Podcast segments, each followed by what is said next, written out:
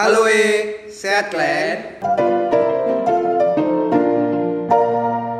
Halo eh, sehat kalian? Semoga sehat-sehat aja ya. Jadi malam ini kami mau cakap-cakap nih sama dua narasumber. Kalian kenalkan, nama aku Immanuel. Nama aku Frans. Jadi Franz, kayak mana kabar kau? Baik, Baik, kuliah kau? lancar, Lancar. Cewek-cewek sehat? sehat. Oke, sehat ya. Cewek-cewek sehat lah semuanya. Oh iya, cewek kau maksudku. ada. Gak ada cewek ya? Gak ada. Jadi kalian kalau yang jomblo-jomblo bisa nih ngechat abang Franz nih. kalau aku Franz, kuliah aku lancar. Belum ada bertanya padahal. Gak apa-apa, aku mau jawab aja. Oh iya iya. Aku juga biasanya selama libur ini main game aja aku. Cewek aku nggak ada juga. Jadi kalau kalian mau ngechat aku bisa lah ya. Jual diri. Enggak sih, ngasih tahu aja ya kan. Udah lah ya Franz. Udah. Kita nih malam ini kedatangan udah sumber.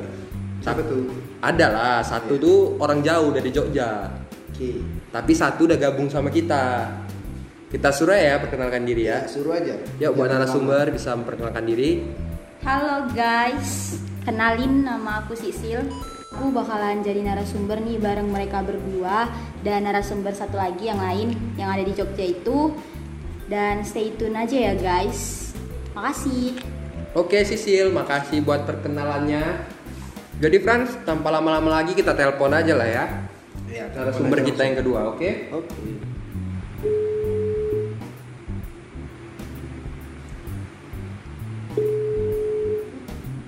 Halo Silvi. Halo, halo, Halo, dengar suara kami? dengar, Sehat. Sehat kami tanya, Sehat bukan kami dengar tanya, atau bukan enggak. Gak usah ngereceh kau ya. Saya apa aku? Oh, sehat. Kayak mana kabar kau di Jogja? Kali di teleponnya. Apa? Kok aku lama kali di teleponnya? Ini jaringan, cuma anak pulsa abang nggak ada. Eh, isi pulsa lah bang. Itu tadi baru diisi dek. Jadi kayak mana kabar kau di Jogja? Aku aku baik-baik aja di sini. Kerja di mana kak? Nanti ku kasih tau pun nggak taunya buat apa. Iya pula ya, ya udahlah. Banyak kali pun tanya-tanya kita. Skip aja skip. Ya langsung aja lah ya. ya, Jadi kita malam ini mau cakap-cakap ini, makanya kami nelpon kalian. oke. Jadi tema kita nih eh, tentang mood disorder. Tapi sebelum itu, buat orang-orang yang dengarkan podcast ini, nanti kalian itu jangan suka self diagnose ya. Kami itu cakap-cakap di sini cuman men- Sharing. sharing, iya, menjawab sesuai dengan per- perspektif pandangan kami aja. Kalau kalian itu nanti misalnya punya masalah yang lebih mendalam tentang mood disorder atau sebagainya, kalian itu bisa nanti konsultasi aja ke orang yang ahli di bidangnya, oke? Oke. Oke, Silvi dan Sisil. Betul kan namanya Silvi dan Sisil? Iya. Eh, jadi selama pandemi ini kegiatan kalian apa aja? Dari siapa dulu nih? Sisil boleh, Silvi boleh. Sisil aja deh dulu. Oke. Kegiatan ya paling kuliah itu rutin kan kuliah online selama pandemi wajib online terus nugas kayak satu tugas muncul seribu gitu kan ngerjain tugas lah baru kemarin sih sempat juga ngajar tapi sekarang udah nggak lagi udah itu aja sih kesibukan aku tidur lah tidur tidur makan minum Makan minum kesibukan. iya sibuk lah Kewajiban. Itu kewajiban bukan Iya, iya. kesibukan. Kalau untuk Silvi ini kayak mana? Kegiatannya selama corona? Kegiatan aku rutinnya kerja, rutinnya tuh kerja sekarang. Oh kerja Udah, juga. gitu aja. Kerja aja. Iya, nggak ada yang spesial. Hmm. Nasi goreng Cuman spesial. Yang spesial itu cuma Indomie pakai telur. Jadi aku nih mau nanya ya kan tentang mood disorder nih. Kalau menurut perspektif kalian berdua nih, menurut pandangan kalian mood disorder itu apa? Bisa dijawab dulu dari Sisil. Mood disorder itu perubahan mood yang cukup cepat gitu. Yang awalnya tadi sedih tiba-tiba senang atau yang awalnya tadi senang tiba-tiba marah atau bad mood gitu kan. Jadi ya mood, mood disorder itu perubahan mood yang dengan waktu yang cepat menurut aku. Perubahan mood dengan waktu yang cepat. Berarti kayak moodnya nggak stabil lah gitu ya. iya benar Kalau Silvi sendiri kayak mana menurutnya? Kalau aku mood disorder itu eh, udah pasti ya mood ya berkaitan dengan mood. Nah tapi moodnya ini bisa berubah-ubah dari yang sedih ke senang, senang ke sedih. Tapi eh, ada periodenya, ada masanya. Terus untuk mood disorder sendiri itu juga ada beberapa eh, gejalanya, terus ada tipe-tipenya juga gitu. Jadi untuk kalian berdua nih, kira-kira apa aja sih yang buat mood kalian itu jadi berubah-ubah gitu? Dari Silvi dulu deh. Oh, ini yang bikin mood berubah-ubah dijelaskan secara kompleks atau gimana? Yang garis besarnya aja lah. Secara garis besar aja. Misalnya nih, kalau cewek ya, cewek itu yang paling bisa berubah banget moodnya itu kalau lagi period. Udah, itu aja simpelnya. Oh ya. Jadi untuk Sisil kayak mana Sil menurut kau nih? oh apa yang buat aku bisa berubah gitu moodku ya Iya. Hmm, ya salah satunya pasti kalau wanita semua lah kayak PMS gitu kan. Nah selanjutnya biasanya sih sesuatu hal yang nggak mengenakan hati lah kayak kayak tiba-tiba dimarahin gitu loh. Kan udah misalnya sering kan tuh kalau anak cewek ngerjain tugas rumah itu sering. Terus tiba-tiba main HP baru main HP ini langsung dimarah-marahin kan sering bad mood juga gitu. Udah gitu aku paling sering lebih seringnya ke tugas sih udah begadang dari dari malam sampai jam 4 pagi rupanya besoknya salah disuruh ngulang kayak bad mood aja gitu biasanya itu sih perubahan-perubahan mood yang sering aku rasain karena itu aja Oke, banyak ya faktornya kalau Sisil ya, nggak kayak Silvi tadi sedikit ya. memang matanya yang kecil. ya. aku, aku jadi merasa kelihatan mana yang pintar, mana yang enggak. Untung sadar diri ya. Iya, nampak dia kelihatan. Jangan gitu. Iya. Terus aku mau nanya nih, ada orang yang bilang kalau dia itu dewasa secara mental, berarti otomatis dia itu sudah mengalami moodnya lebih stabil gitu, ya kan? Tapi sedangkan seperti yang kita ketahui, eh, malah semakin dewasa orang, semakin dia nggak ngerti gitu akan dirinya gitu. Dia kayak susah menebak dirinya. Kalau menurut pendapat kalian itu gimana? Dari Silvi juga boleh jawab duluan. Kalau semakin dewasa orang, sebenarnya gini, tiap orang itu kan punya fasenya sendiri, punya eh, waktunya sendiri. Kapan dia untuk belajar dewasa gitu kan? Iya. Kapan dia untuk belajar mengenal dirinya sendiri? Terlebih nih ya, masalah anak SMA nih misalnya, sama anak kuliah kan udah jelas beda dong ya. Terus masalah anak kuliahan sama anak yang udah kerja juga beda. Jadi semakin dewasa itu masalah juga semakin kompleks dan kita juga semakin aduh gimana nih ya gue eh, ngadepin masalah ini gitu. Terus gue harus gimana? Kok gue jadi bingung nih sifat gue itu harusnya gimana? Itu udah pasti karena kan semakin kita bertambah umur masalah juga semakin kompleks. Terus yang kita hadapi juga kayak hal-hal ringan gitu Eh, salah satunya adalah emosi gimana cara kita mengendalikan emosi tersebut terus gimana caranya kita supaya bisa stabil dalam emosi. Terkadang memang ada masalah-masalah yang emang bikin kita tuh kayak emosi banget gitu loh sampai kebakaran jenglot kan. Tapi ada masalah-masalah yang memang ah ya udah gini aja deh sederhananya gitu. Aku ngomongin aja deh bagus-bagus gitu ntar juga masalahnya bisa selesai gitu. Jadi menurut aku eh, kalau kita bingung dengan sifat kita yaitu wajar wajar aja menurut aku karena tiap bertambahnya umur bakalan semakin kompleks juga masalah gimana sekarang tuh tinggal gimana kita mengendalikan emosinya kita aja dan tidak melibatkan orang lain gitu aja Hmm, jawabannya simple tapi padat ya. Itu bukan simpel lagi namanya. Udah kepanjangan.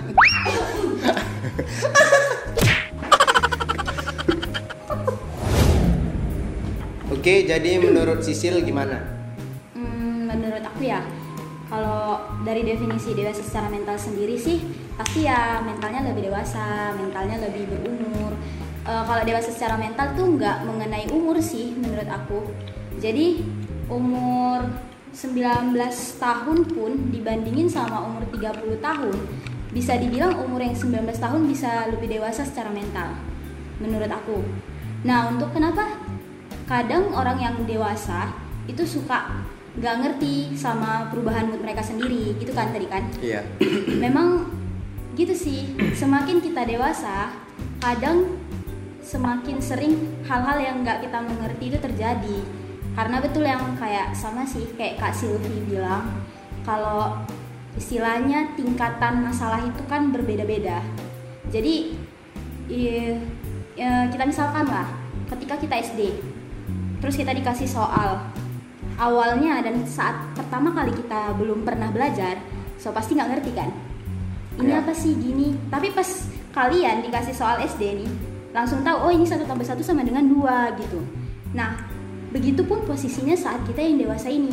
Jadi ketika dikasih masalah ini masalah baru masalah di periode saat dewasa. Masalah baru yang kalian lihat. Jadi pas waktu dateng nih nggak ngerti. Iya aku nggak ngerti nih kenapa. Iya aku nggak ngerti nih kenapa hatiku bisa kayak gini.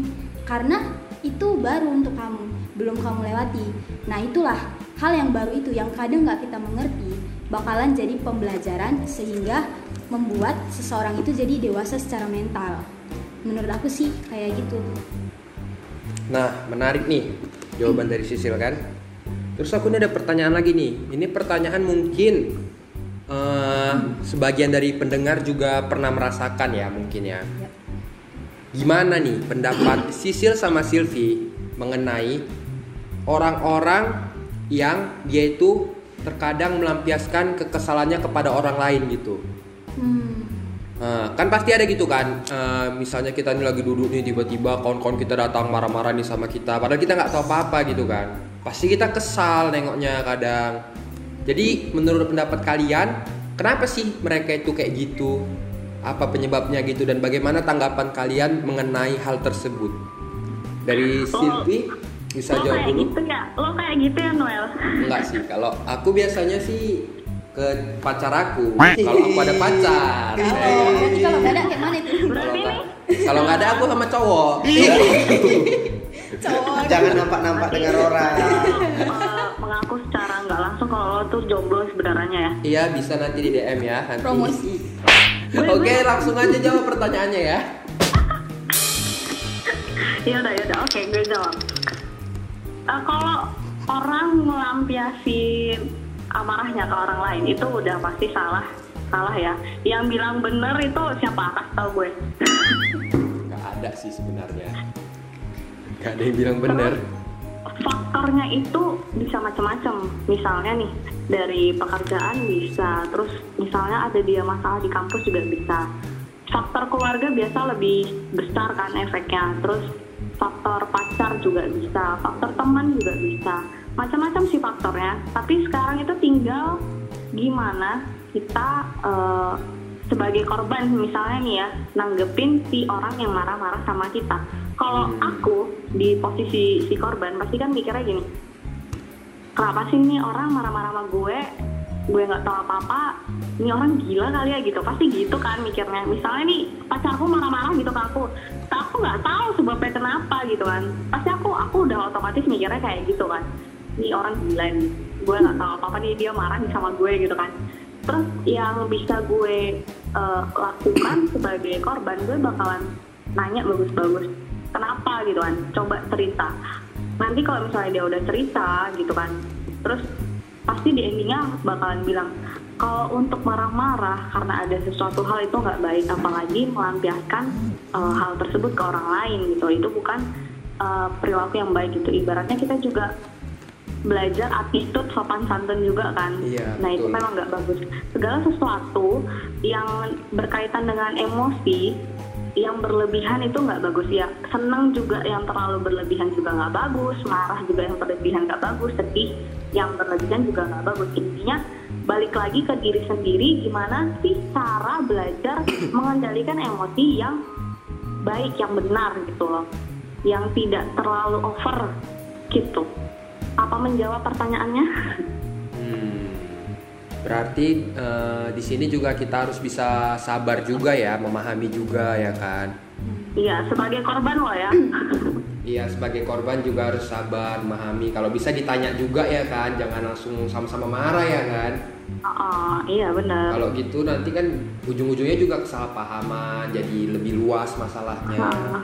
Ya, misalnya misal kita yang dijadiin marah-marah gitu misalnya kita yang sebagai korbannya gitu kan kalau kita orangnya yang eh, gampang sakit hati kan parah banget jadinya kan Iya. melihat aduh dia Jadi- emosi uh gitu deh Jadi dendam ya kan. Ah, ah, dendam Iya betul. betul. Ya untuk Sisil nih gimana tanggapannya? Hmm, tanggapan ya? Oh, aku sedikit cerita kali ya. Kalau Kak Silvi kan tadi si sudut pandang sebagai korban.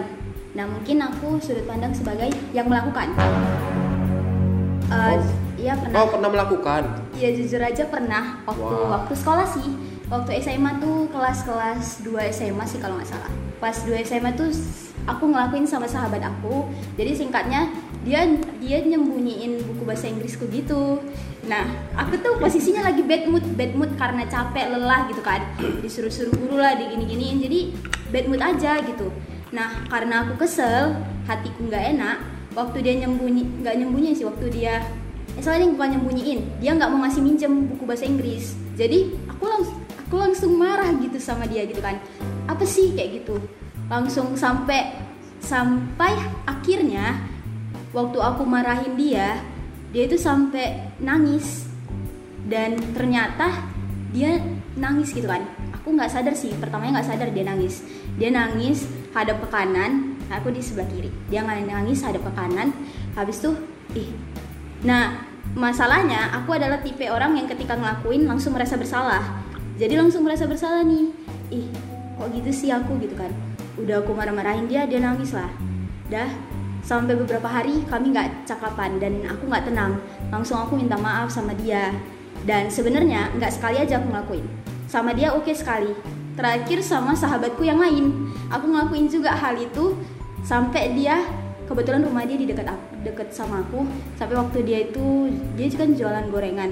Jadi aku datengin tuh ke tempat dia "Eh, ini aku Tempat minta dia maaf jualan. ya gitu kan. Dia sampai nangis gitu kan aku minta maaf ya gini gini gini. Nah setelah itu sebagai pelaku nih aku kan merasa bersalah dipenuhi rasa bersalah aku merenung lah nah merenung terus berdoa sama Tuhan Is apa sih yang harus aku lakuin? Nah jadi setelah itu aku berpikir aku nih harus berubah gitu. Capek sih sebagai pelaku yang selalu melakukannya capek banget untuk bisa berubah karena pasti ada jatuh bangunnya. Jadi ketika aku berubah untuk tidak menyalahkan orang lain atas kebedmutanku atas kekesalanku sama orang entah siapa bahkan kekesalan yang aku buat-buat sendiri mungkin di hatiku tapi aku timpakan sama sahabat-sahabatku. Karena aku nggak ingin kehilangan sahabatku atau orang-orang yang terdekatku. So aku mikir aku harus berubah. Dan setelah pergumulan yang begitu panjang puji Tuhan waktu kelas 3 SMA aku jadi udah nggak pernah lagi marah-marah sama orang-orang terdekatku. Udah jarang lah hampir nggak pernah. Dan puji Tuhan aku bisa bisa nggak ngelakuin hal itu lagi. Nah jadi buat kalian nih yang pernah ngelakuin seperti yang aku lakuin coba kalian pikirin gimana orang lain nangis karena perbuatanmu? Gimana orang lain tiba-tiba dimarahin tanpa ih dia kenapa tiba-tiba marah? Padahal kan aku cuman bercanda untuk nggak ngasih dia buku gitu kan. Itu pasti rasanya sakit sih walaupun aku nggak ngerasainnya maksudnya walaupun bukan aku yang dimarahin. Waktu aku ngelihat sahabat aku sendiri sama orang terdekatku nangis karena perlakuanku itu ngebuat aku ih ternyata sesakit itu ya. Karena mereka kayak gitu akhirnya aku mencoba untuk berubah dan kembalilah ke jalan yang benar istilahnya ya. Kembali ke jalan yang benar untuk nggak pernah melampiaskan kekesalanku sama orang lain. Jadi buat kalian yang pernah ngelakuin cobalah untuk dirubah karena kasihan orang-orang terdekat kalian. Pasti sering sedih juga melihat sikap kalian. Gitu. itu dari sisi aku. Nah, denger tuh.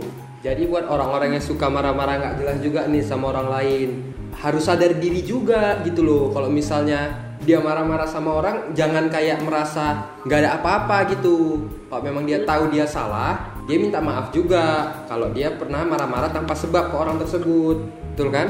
ya sadar diri lah kau Nggak pernah gitu. Nggak pernah. Terus nih juga buat orang-orang sekitar kita juga, kita juga kalau mau melakukan sesuatu juga dipikirkan. Karena kita kan nggak nggak pernah tahu juga mood orang lain itu gimana. Entah mungkin dia lagi ada masalah pribadi atau masalah keluarga. Terus kita bercanda yang berlebihan sehingga buat mood dia makin hancur kan? Kita nggak tahu. Jadi kalau bisa kita itu uh, memberikan positif vibes lah ya kan istilahnya. Kita harus bisa menjadi motivasi bagi orang lain gitu motivator enggak mot- motivasi ya memberikan motivasi kepada orang lain betul tuh Yes.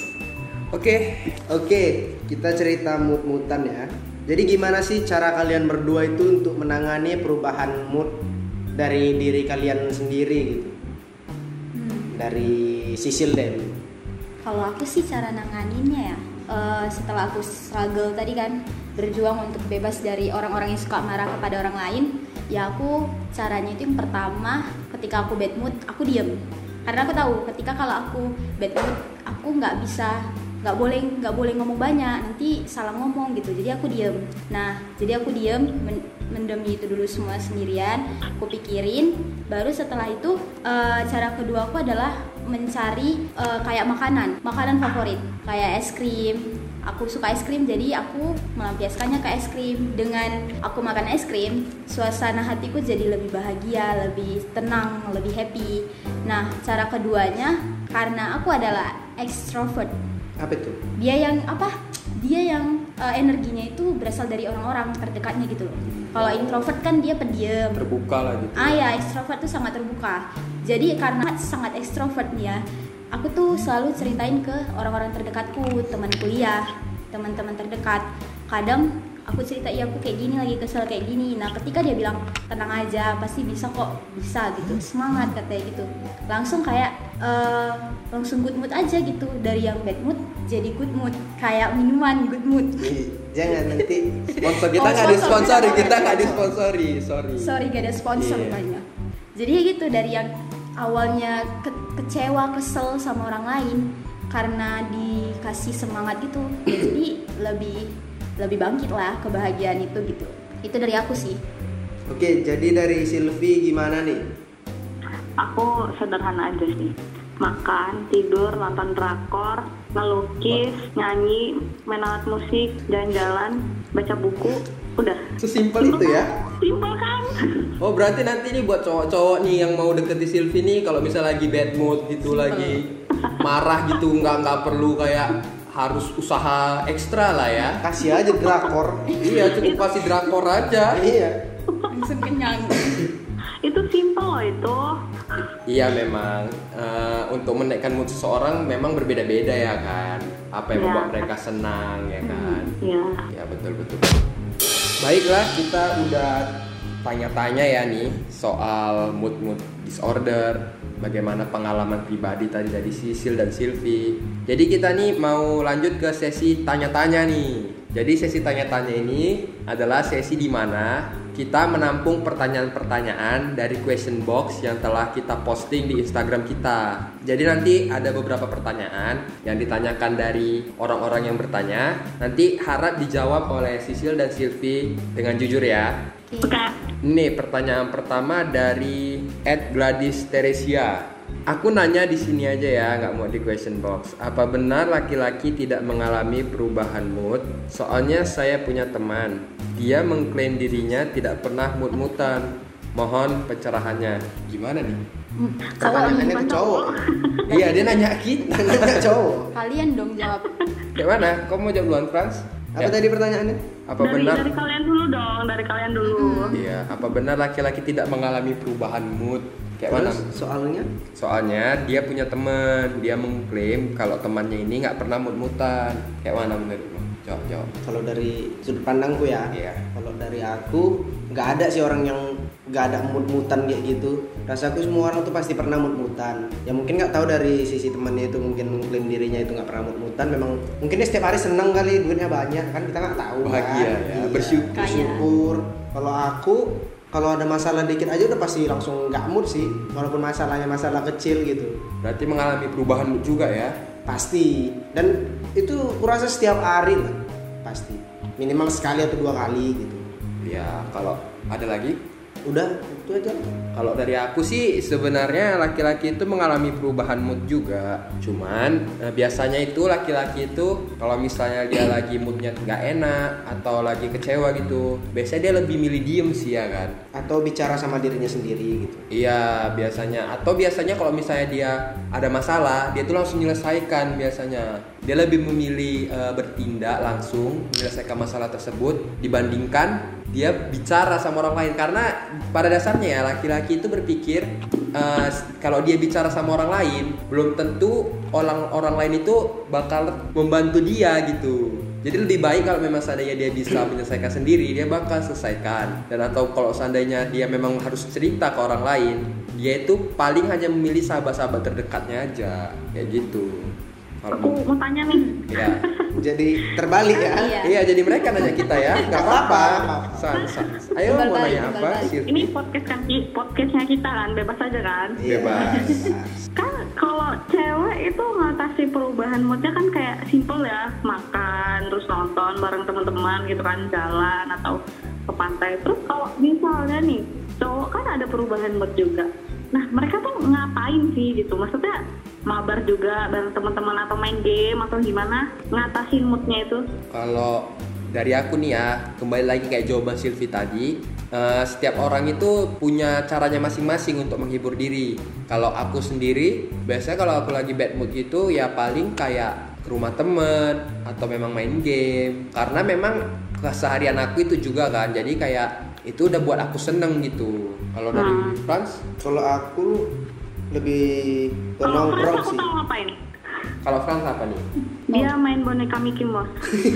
main Kukira- boneka ya Kukira mainin hati cewek. aduh dengarlah aku jawab Dia dia udah expert kalau mainin hati cewek. Iya makanya aku kira kan dia tuh kalau gabut kan main hati Expert tuh cewek. apa? Gabut ya, mainin Tingkat hati tinggi. cewek karena gabut ya memang.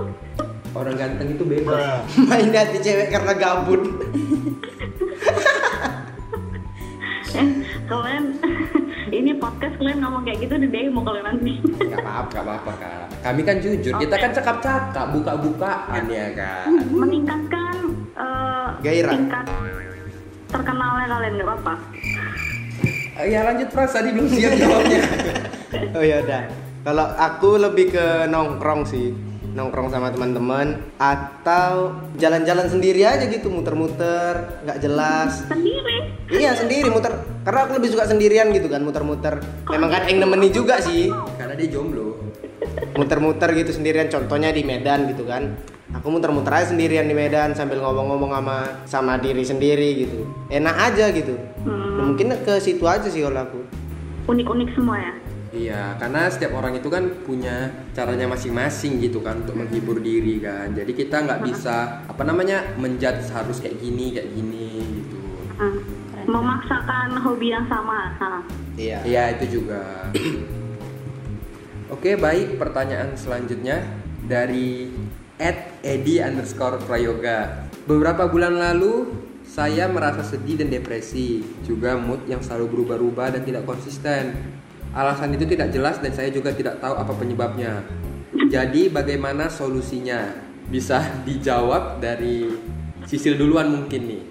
oh dari aku Iya. Em, kalau aku pribadi sih ketika aku ngerasain hal itu pasti pernah lah tiba-tiba nggak jelas aja mau sedih kayak nggak enak aja hati pasti pernah dan aku lebih ke bicara ke diri sendiri Eh, pas tidur nggak ada orang nggak ada orang pas tidur terus kayak natap langit-langit gitu kan. Baru bicaralah sama diri sendiri. Kayak ngasih motivasi sama diri sendiri. Kalau kamu tuh nggak sendirian uh, you must be happy. Kamu harus bahagia. Ah, nggak usah jadi aneh-aneh lah kayak gini gitu.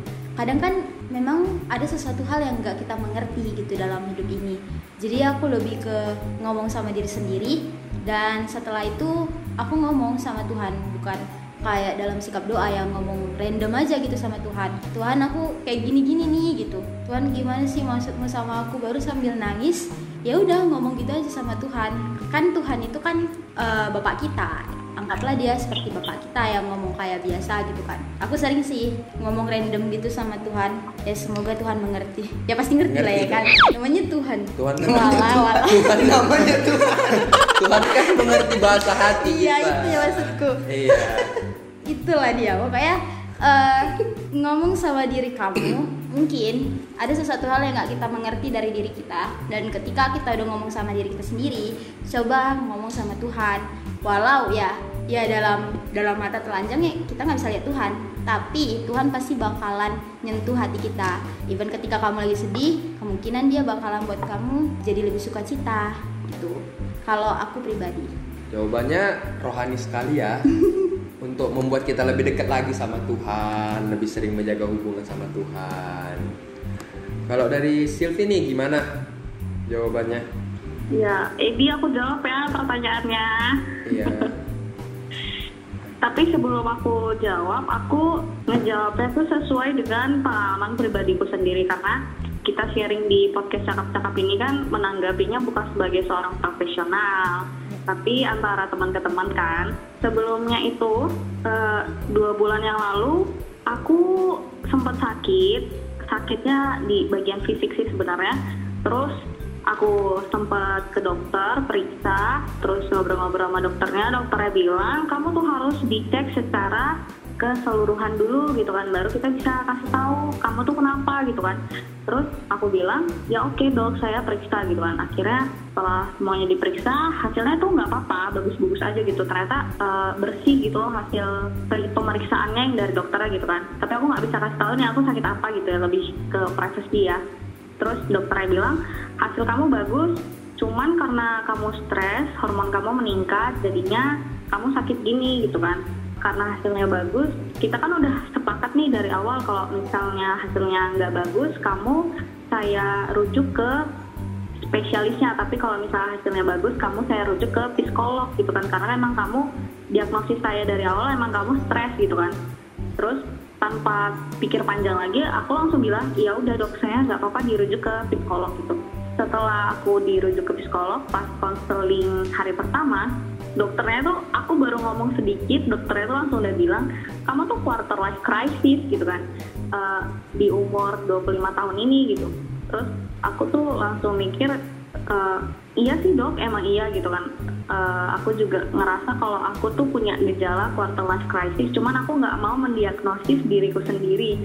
Aku harus didiagnosis sama yang lebih ahli gitu kan. Terus dokternya kasih saran tentang gimana sih cara menanggapi quarter life crisis itu gimana sih supaya kamu tuh nggak terlalu ngedrop banget kamu ada di titik terendah jangan sampai kamu tuh lebih jatuh terlalu dalam gitu kan. Ya akhirnya aku counseling aku get help akhirnya ya lumayan sih sekarang aku ngerasanya gitu kan. Jadi kalau misalnya nih mood kita berubah-ubah atau kita ngerasa stres banget terus tiba-tiba sedih terus tiba-tiba senang nggak tahu perasaan kita tuh campur aduk sebenarnya kalau memang ngerasa udah bener-bener di respon bener-bener udah down banget dan nggak ada yang ngedukung kamu sama sekali uh, even itu orang tua kita sendiri gitu kan nggak apa-apa. Kamu sharing aja ke teman kamu gitu. Kamu cerita kamu tuh kenapa? Nggak ada salahnya untuk kasih tahu ke teman yang kita percayai terus dengerin saran mereka dengerin uh, tanggapan mereka ke kita. Tapi kalau memang kamu merasa itu juga nggak cukup ya udah nggak apa-apa kamu ke psikolog aja. Kita tuh nggak perlu malu gitu kalau misalnya kita ke psikolog. Karena orang yang nggak aware orang yang nggak peduli tentang mental health gitu kan mental illness gitu kesehatan mental orang pasti mikirnya ih lebay banget sih ke psikolog ngapain sih? gitu kan. Ih cuman gitu doang gue juga uh, kayak gitu tapi nggak ke psikolog. Masalahnya tuh tiap orang cara menghadapi masalahnya kan berbeda-beda gitu kan. Tingkat kesanggupan seseorang juga berbeda-beda kalau misalnya yang A kuat gitu kan yang B nggak kuat padahal masalah mereka sama itu kan udah beda beda ini ya beda apa sih dibilang? Pokoknya beda deh Beda gitu. Pemaha- yang satu berarti mesti ke psikolog yang satunya ya udah nggak usah gitu kan. Iya. tapi kalau memang benar-benar rasanya nggak sanggup banget ya udah ke psikolog aja. Setidaknya kamu tuh diarahin sama yang lebih ahli gitu. Jadi aku tapi bukan nggak bukan nyaranin Edi harus ke psikolog gitu enggak tapi kamu tuh harus emang lebih paham sama dirimu sendiri dan kamu tuh sayang sama dirimu sendiri kamu harus cari tahu kamu tuh kenapa gitu kalau memang kamu ngerasanya sedih banget atau seneng banget atau kamu rancu deh nggak tahu perasaan kamu tuh gimana aku dikasih satu tips sama dokterku kalau misalnya kamu bingung sama perasaan kamu sendiri, kamu coba lari pagi, jogging pagi sambil pakai headset, tapi jangan lagu yang sedih aja ya gitu. Eh, lagunya tuh harus random. Kalau misalnya pas lari kamu lagi dengerin lagu, terus kamu sedih, kamu nangis, berarti itu yang kamu rasain.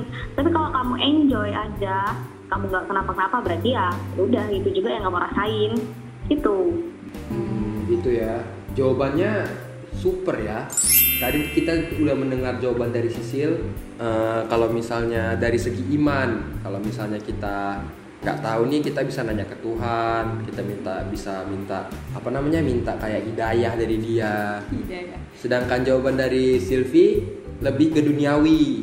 Kalau memang seandainya kita bingung, kita bisa curhat ke kawan. Kalau memang seandainya sudah tidak tertahankan lagi, kita juga bisa nanya ke psikolog atau psikiater supaya bisa dapat saran yang lebih bagus untuk perubahan ke depannya. Iya, jawabannya mantap. Oke, untuk pertanyaan terakhir nih ya. Ya. Ini yang jawab salah satu aja deh ya. Udah terakhir banget nih. Iya, soalnya udah cukup lah ya. Tambah-tambah satu lagi aja. Udah ini kan satu lagi. pengen kali ditanya-tanya Kayak tidak terasa begitu ya kak? Udah. Ya udah deh, siap ini Sylvia aja yang jawab, oke? Oke, pertanyaannya dari dia tidak ingin disebutkan ya namanya ya. Bagaimana cara mengatasi mood disorder akan iman Kristen yang kita miliki? Terutama selama masa pandemi ini mengharuskan kita untuk ibadah online sehingga ikatan persekutuan menjadi renggan. Sedangkan pada saat ibadah berlangsung membuat rasa bahagia dan kedamaian. Jadi, bagaimana sih cara mengatasi mood disorder akan iman Kristen tersebut? Bisa siapa nih yang mau jawab? Sisil atau Silvi nih? Bebas bebas. Silvi aja Mau Silvi aja yang jawab? Iya.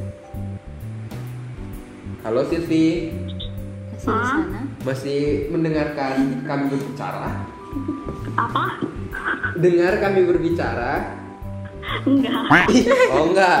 Ya sudah deh, Sisil saja yang jawab kalau begitu. oke Sisil Oke, Sisil silakan silakan menjawab jawab pertanyaannya. ngomongin apa sih? enggak enggak ada kok Enggak, kami enggak ngomong. enggak ngomong apa-apa Kami kami itu ikan. kami kan Kenapa aku diajakin? Udahlah, enggak apa-apa udah. Sisil silakan.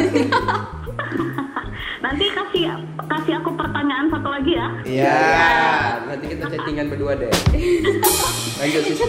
Lanjut Sisil. Silakan dijawab pertanyaannya. Oke oke oke. Eh, tadi mood disorder terhadap iman kan? Iman ya? Mood disorder terhadap iman. Eh, aku kasih tau dulu deh. Kayaknya mood disorder terhadap iman itu kayak mana? Kalau menurut aku ya, mood disorder terhadap iman itu kayak merasa terintimidasi karena karena hal karena suatu kesalahan itu bisa tuh yang membuat mood disorder terhadap iman terintimidasi karena suatu kesalahan atau kurangnya persekutuan sama saudara seiman nah yang pastinya selama pandemi ini itu kan kurangnya persekutuan sama eh, teman-teman seiman kita karena kita cuma stay at home di rumah aja ibadah online. Jadi gimana sih caranya? Em, menurut aku nih ya cara yang paling pertama nih paling sederhana yaitu ya saat teduh. Saat teduh. Eh, sa- eh, jujur aku juga masih jatuh bangun ya untuk bangun saat teduh. Karena saat teduh itu hal yang paling simple but susah banget untuk dijadikan rutinitas. Susah banget itu gimana? Karena adanya kesibukan-kesibukan yang buat kita jadinya eh, lupa atau lelah untuk saat teduh. Nah kayak aku bilang kita coba satu hal itu aja. Sederhana memang saat teduh di mana artinya adalah me- memberikan waktu khusus antara kita sama Tuhan. Baca Alkitab doa sama Tuhan. Supaya kita itu lebih stabil dalam iman supaya mood disorder dalam iman itu teratasi caranya gimana? Iya. Saat teduh berikan waktu khusus kamu untuk Tuhan. Em, even ketika kamu pengen nangis ya udah nangis aja sama Tuhan. Tuhan tahu kok apa isi hati kamu. Dan Tuhan bakalan nerima kamu apa pun yang telah kamu lakuin apa pun yang udah terjadi dalam hidup kamu Tuhan selalu nerima kamu. Jadi cara yang eh, maybe mungkin ampuh lah bisa dibilang ampuh sederhana tapi sulit banget untuk bisa rutin sulit banget untuk bisa eh, apa ya namanya disiplin. Ya disiplin. Saat teduh itu susah banget untuk disiplin. Misalnya nih hari ini saat teduh. Bisa-bisa besok ada godaan setan atau mungkin eh, kemalasan kita sendiri karena kelelahan. Pasti capek kerja kan capek kuliah. Apalagi begadang ngerjain tugas begadang ngerjain kerjaan. Kan capek tuh. Yang buat kita nggak saat teduh lagi baru besoknya saat teduh lagi. Kan pasti bolong-bolong. Nah sebagai manusia pasti wajar lah kayak gitu. Dan itu bakalan jadi struggle atau perjuangan kita selama kita hidup. Makanya yang cara yang paling ampuh menurut aku adalah saat teduh berikan waktu khususmu untuk Tuhan. Eh, ceritakan semua masalahmu sama Tuhan. Ketika kamu menangis sama Tuhan ya udah nangis aja. Karena Tuhan tahu kok. Bila meskipun katanya Tuhan tanpa kamu bilang Tuhan tahu apa yang apa yang kamu mau. Tapi Tuhan mau ngeliat anak-anaknya itu teriak sama dia. Bukan teriak anak-anaknya itu ngomong sama dia bersekutu sama dia. Jadi ada ter- keterikatan antara kamu dan juga Tuhan saling timbal balik Nah, ketika Tuhan mengerti kamu, kamu juga harus mengerti Tuhan. Jadi ketika kita ada saat teduh, udah mulai baiklah. So, bisa bilang sama Tuhan, Tuhan kamu maunya apa sama aku? Dan intinya hubungan kita sama Tuhan harus lebih erat, walaupun berat. Karena itu susah sih menurutku. Bahkan dari dulu sampai sekarang aku juga belum belum full banget saat teduhnya. Misalnya hari saat teduh besok enggak gitu. So sama-sama kita berjuang untuk bisa uh, mengalahkan mood disorder dalam iman. Semangat untuk kamu dan kita semua. Jadi intinya itu kita harus tetap saat teduh ya. Yap. Memang betul saat teduh dan juga kita harus komitmen juga melakukannya. Walaupun memang kayak kata Sil tadi kita bolong-bolong, tapi kita juga harus komitmen dan wajib melakukan itu karena juga uh, ada firman Tuhan yang mengatakan uh, di mana dua atau tiga orang berkumpul memanggil namaku di situ aku aku akan hadir. Ya. Jadi walaupun kita kayak ibadah di rumah sama keluarga, cuman misalnya ayah atau ibu sama kita bertiga gitu kan. Tapi kalau memang kita itu ibadah dengan sungguh-sungguh, kita berseru memanggil nama Dia, Tuhan juga ada kok di tengah-tengah ibadah itu. Benar-benar. Jadi bukan bukan berarti karena kita ibadah di rumah jadi Tuhan gak hadir. Tapi gimana cara kita untuk tetap mengimani setiap ibadah yang kita lakukan? lebih peka lah gitu. Iya lebih peka juga akan Tuhan.